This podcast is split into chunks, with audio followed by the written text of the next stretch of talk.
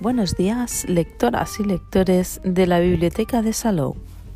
Estáis en el espacio Bibliosalou Radio, los podcasts bibliotecarios que os informan diariamente y vía radio de las novedades bibliográficas de la Biblioteca de Salou.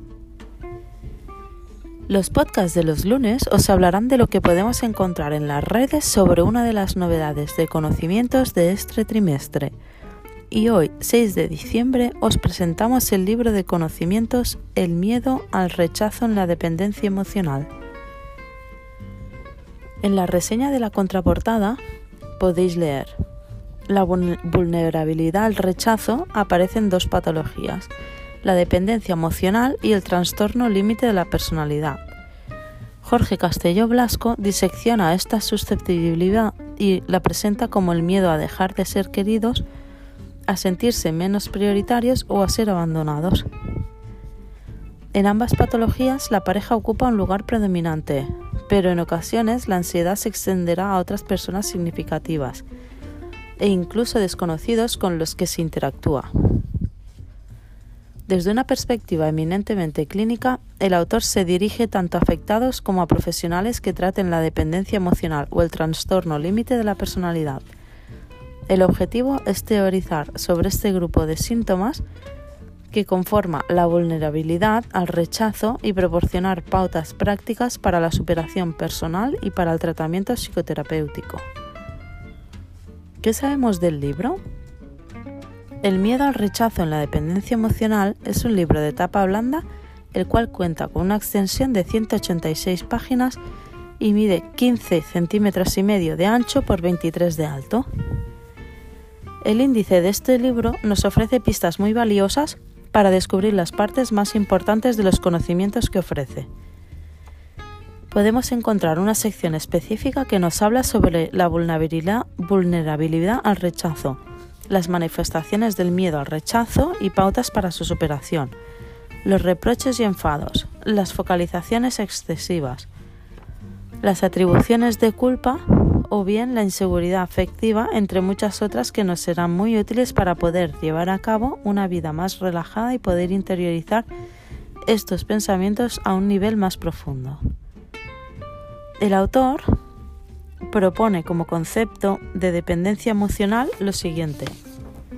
La dependencia emocional es la necesidad afectiva extrema que una persona siente hacia otra a lo largo de sus diferentes relaciones de pareja.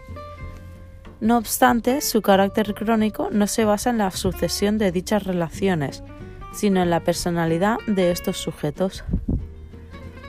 Dos aspectos característicos que emergen de la definición, en primer lugar, que la necesidad es excesiva y que por tanto no se reduce a la propia relación amorosa como tal. En segundo lugar, que dicha necesidad es de carácter afectivo y no de otro tipo.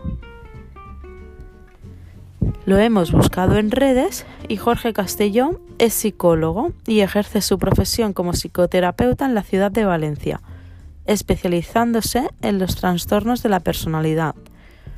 Actualmente cuenta con 23 años de experiencia en trastornos de ansiedad, patologías como la depresión y problemas de pareja, entre otros, especializándose en los trastornos de personalidad.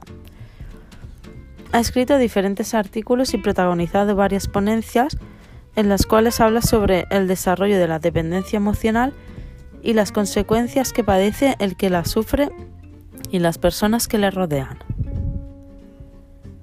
Hace especial mención a las características de aquellos que sufren esta dependencia emocional. Idealizan a sus parejas y las escogen con unas características determinadas, ególatras, con gran seguridad en sí mismas y frías emocionalmente. Por lo general comenta que el narcisismo de estas personas es la contrapartida de la baja autoestima de los dependientes emocionales. Y por este motivo se produce esta idealización y fascinación por sus parejas. Por otra parte, este tipo de personas tienen la autoestima y autoconcepto muy bajos. Por esto crean esa dependencia tan extrema de la que es muy difícil escapar. Normalmente se manifiestan tristes y preocupados, lo que les lleva a desarrollar ansiedad y tener un estado de ánimo disfórico.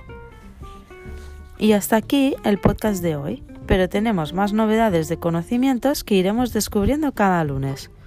Que tengáis un muy buen día y muy buenas lecturas os acompañen en el día a día. ¡Feliz puente!